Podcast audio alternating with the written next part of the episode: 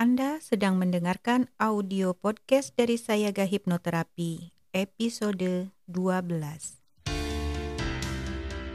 Selamat datang di serial audio podcast bersama Sayaga Hipnoterapi, institusi penyedia layanan hipnoterapi dan konseling profesional di Kota Bandung yang membantu penanganan berbagai masalah kesehatan, emosi, dan perilaku yang mengganggu kualitas hidup.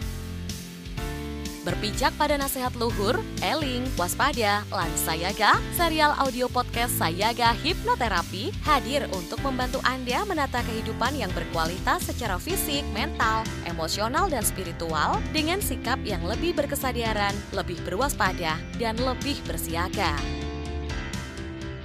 Serial audio podcast Sayaga Hipnoterapi menghadirkan inspirasi kehidupan yang diintisarikan dari berbagai keilmuan psikologi dan pengembangan diri yang juga diadaptasi dari kisah nyata para individu yang menjalani program terapi dan konseling bersama tim profesional dari Sayaga Hipnoterapi.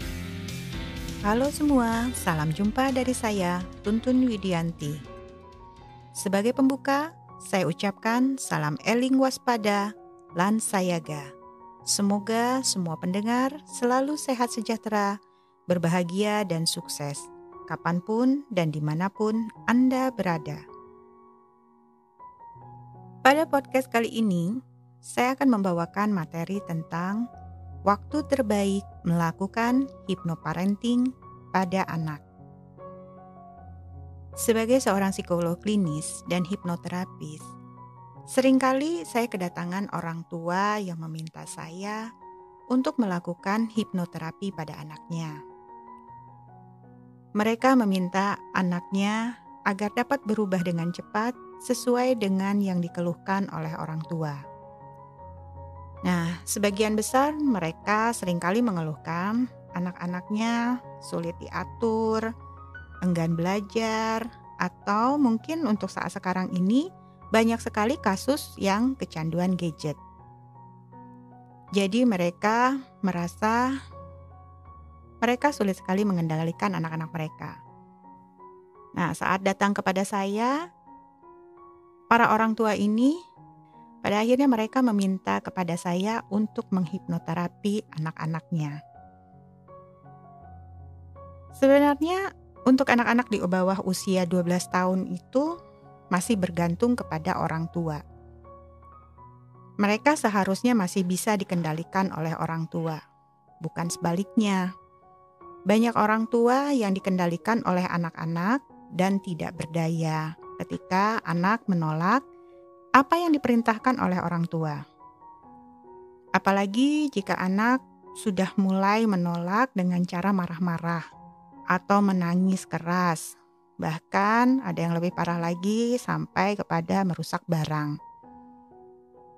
Hal ini dikarenakan bisa saja karena aturan yang diterapkan oleh orang tua di rumah tidak sama.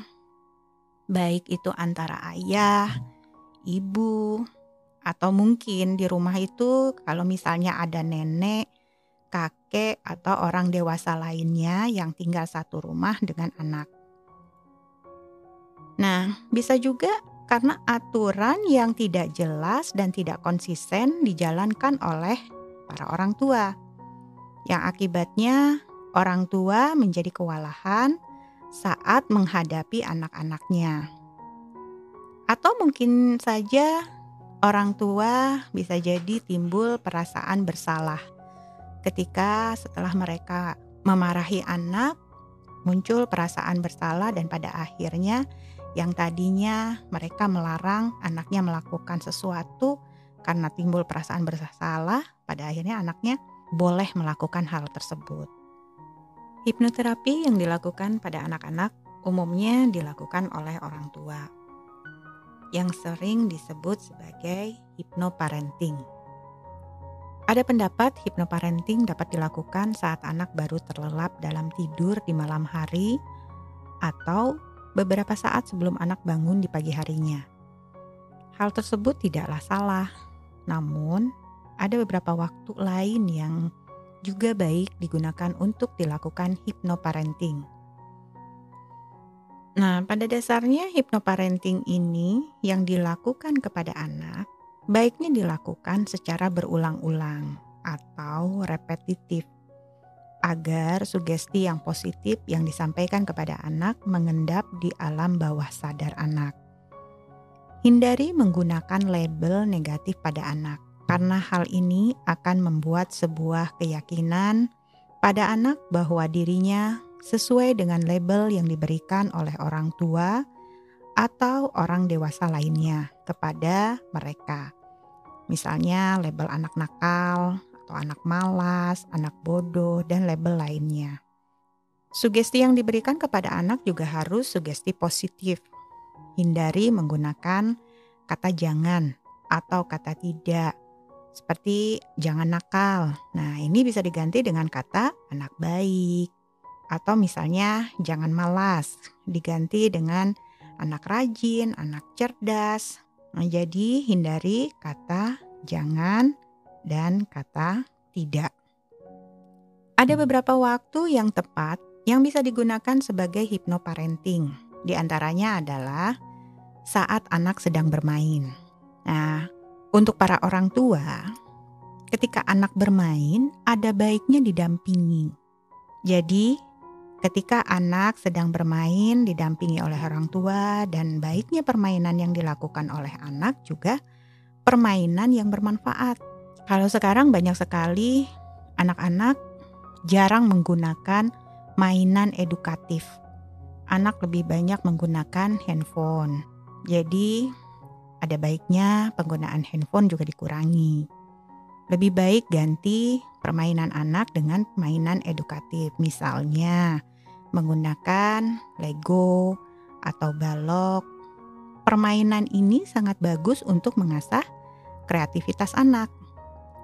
Nah, ketika sedang mendampingi anak bermain Lego atau balok, orang tua bisa memberikan motivasi dan pujian kalau hasil yang diperlihatkan oleh anak itu bagus, keren, hebat. Jadi kita tinggal memuji anak misalnya, "Eh, bagus." atau "Wah, kamu hebat, keren." Atau bisa saja dengan pujian-pujian lainnya. Nah, hal ini akan menumbuhkan rasa percaya diri pada anak dalam menciptakan sesuatu yang baru dan akan tertanam di dalam diri anak bahwa dia mampu melakukan sesuatu yang hebat. Bisa saja kita juga mengajak anak bermain permainan lain yang dimainkan secara berkelompok. Contohnya ular tangga, ludo, atau permainan lainnya yang dilakukan secara bersama-sama. Nah, di dalam permainan ini kita juga dapat menanamkan sugesti positif. Jadi saat anak kalah, orang tua bisa mengajarkan pada anak untuk sabar Hal ini mengajarkan pada anak bahwa anak dalam menghadapi sesuatu kejadian yang tidak sesuai dengan harapannya, maka ia diajarkan untuk sabar. Salah satu permainan ular tangga juga mengajarkan permainan sebab akibat dari sebuah perbuatan. Misalnya, jika ia rajin, maka ia akan menuai hasil yang baik. Jadi, mulai dari sekarang, para orang tua kawargian sayaga, mulai saat sekarang ini ajaklah anak untuk bermain permainan edukatif. Kurangi permainan yang menggunakan handphone. Karena permainan edukatif banyak sekali manfaatnya. Lalu waktu yang tepat yang selanjutnya adalah saat anak sedang berkegiatan menggambar atau mewarnai. Nah, ajak anak untuk melakukan kegiatan menggambar atau mewarnai. Kegiatan ini dapat menjadi awalan untuk orang tua dalam memberikan sugesti positif kepada anak. Misalnya, anak sedang fokus menggambar atau mewarnai sayur, buah-buahan, berikan sugesti bahwa makan sayur dan buah itu membuat badan menjadi sehat, menjadi kuat, Katakan juga pada anak jika nanti sehat kan bisa main dengan teman, bisa ikut jalan-jalan bersama keluarga. Bisa juga menanamkan jika nanti kamu kuat, kamu kan bisa menolong orang lain. Bisa menolong ayah, bunda, membawakan sesuatu kalau misalnya ayah dan bunda sedang kerepotan. dan lain sebagainya. Nah, lakukan hal tersebut sambil berkomunikasi dengan anak. Jadi, komunikasi dua arah dengan anak dengan menggunakan sugesti positif itu akan lebih baik ketika kita melakukan kegiatan menggambar dan mewarnai bersama anak. Waktu selanjutnya yang paling tepat adalah saat mendiamkan anak menangis. Kondisi anak menangis juga efektif untuk memberikan sugesti. Saat anak menangis, anak butuh ditenangkan oleh orang terdekatnya. Nah, sugesti positif menjadi anak yang kuat, tegar, sabar bisa dimasukkan pada saat ini. Misalnya gini, contohnya saat anak jatuh, masih banyak orang tua yang mendiamkan anak dengan cara memukul lantai tempat anak itu jatuh dan mengatakan bahwa, "Ih, lantainya nakal ya, jadi aja kamu jatuh." Nah, hal ini sebenarnya kurang tepat karena dalam mengajarkan anak seperti itu adalah melimpahkan kesalahan kepada orang lain. Jadi, yang perlu dilakukan adalah meredakan tangisan anak dengan mengatakan bahwa, "Oh, kamu jatuh ya." Harusnya kamu tadi hati-hati, jangan lari-lari agar tidak jatuh. Tapi nggak apa-apa kok kamu jatuh karena kamu hebat, kamu kuat. Jangan nangis ya nak. Ya sekarang berhenti nangisnya. Nah contohnya seperti itu. Jadi hindari lagi kita memukul suatu barang yang membuat anak terluka. Pelajaran dari sugesti ini juga mengajarkan anak-anak jadinya nanti untuk berhati-hati dalam tindakannya dan jika gagal maka ia harus kuat dan tegar. Kemudian waktu yang tepat yang selanjutnya adalah saat menyanyikan anak. Anak-anak sangat suka dengan nyanyian. Lagu adalah salah satu cara melakukan terapi hipnot parenting. Lirik lagu yang dinyanyikan secara tidak sadar akan masuk ke dalam alam bawah sadar dan selalu diingat oleh anak-anak. Sekarang, seperti yang kita ketahui ya, misalnya kalau di sekolah taman kanak-kanak, Seringkali guru-guru sekolah mengubah lirik lagu dengan kata-kata motivasi atau ajakan melakukan sesuatu yang bermanfaat dan positif. Nah, hal ini bisa juga nanti ditiru oleh para orang tua dengan mengganti lirik sebuah lagu dengan kata-kata yang di dalamnya ada ajakan positif. Ya. Kemudian Waktu yang berikutnya adalah saat membacakan dongeng atau saat membacakan buku cerita. Dongeng dalam buku dapat menjadi bahan untuk masukkan sugesti positif ke dalam alam bawah sadar anak. Pilih buku yang berisi cerita berkaitan dengan sugesti yang ingin orang tua tanamkan kepada anak. Misalnya, tentang norma-norma sosial, motivasi, atau mungkin tentang hero, dan lain sebagainya. Bacakan sedemikian rupa sehingga anak menjadi tertarik dan fokus pada cerita yang orang tua bacakan. Mendongeng bisa juga dilakukan dengan menggunakan media boneka. Anak-anak sangat menyukai dongeng, apalagi kalau seandainya yang mendongengkan itu menarik. Kita mendongengnya dengan uh, menggunakan media boneka. Itu pasti anak sangat suka. Nah, tentunya kegiatan mendongeng ini akan sangat menyenangkan bagi anak. Saat anak berkonsentrasi mendengarkan dongeng dari orang tuanya, lakukan hipnoparenting. Masukkan nilai-nilai positif di dalam dongeng tersebut. Waktu yang baik selanjutnya adalah saat anak bermain peran. Anak-anak senang sekali bermain peran. Peran yang dipilihnya tentu adalah peran yang ia sukai.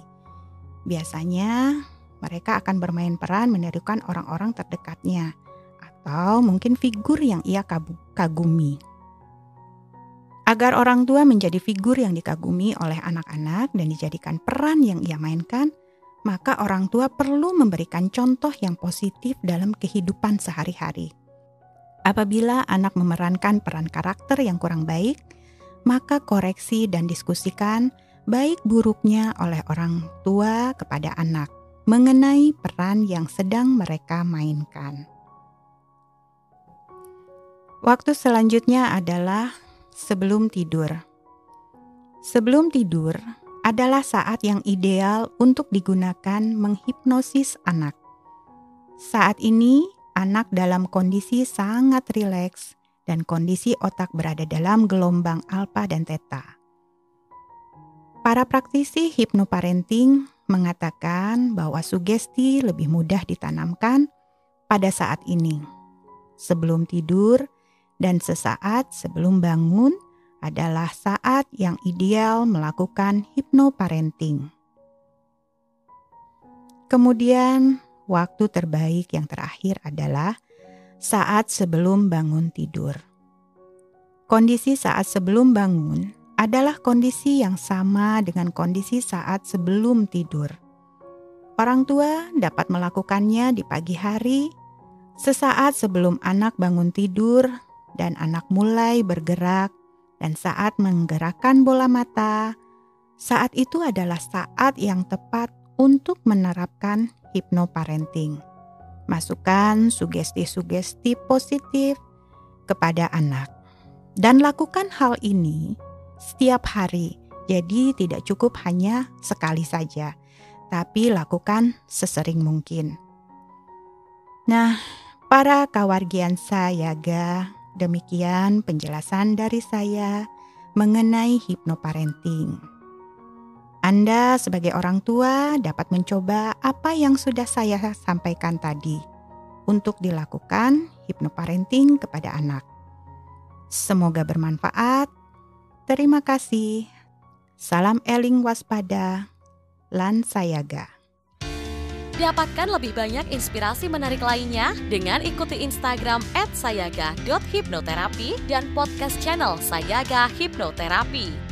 Kunjungi juga website www.sayaga-hipnoterapi.com untuk temukan lebih banyak informasi menarik lainnya, termasuk untuk memesan layanan hipnoterapi dan konseling bersama para tim profesional dari Sayaga Hipnoterapi di Bandung untuk membantu Anda menangani berbagai masalah kesehatan, emosi, dan perilaku yang mengganggu kualitas hidup. Mari menjalankan kehidupan yang eling, waspada, lan sayaga.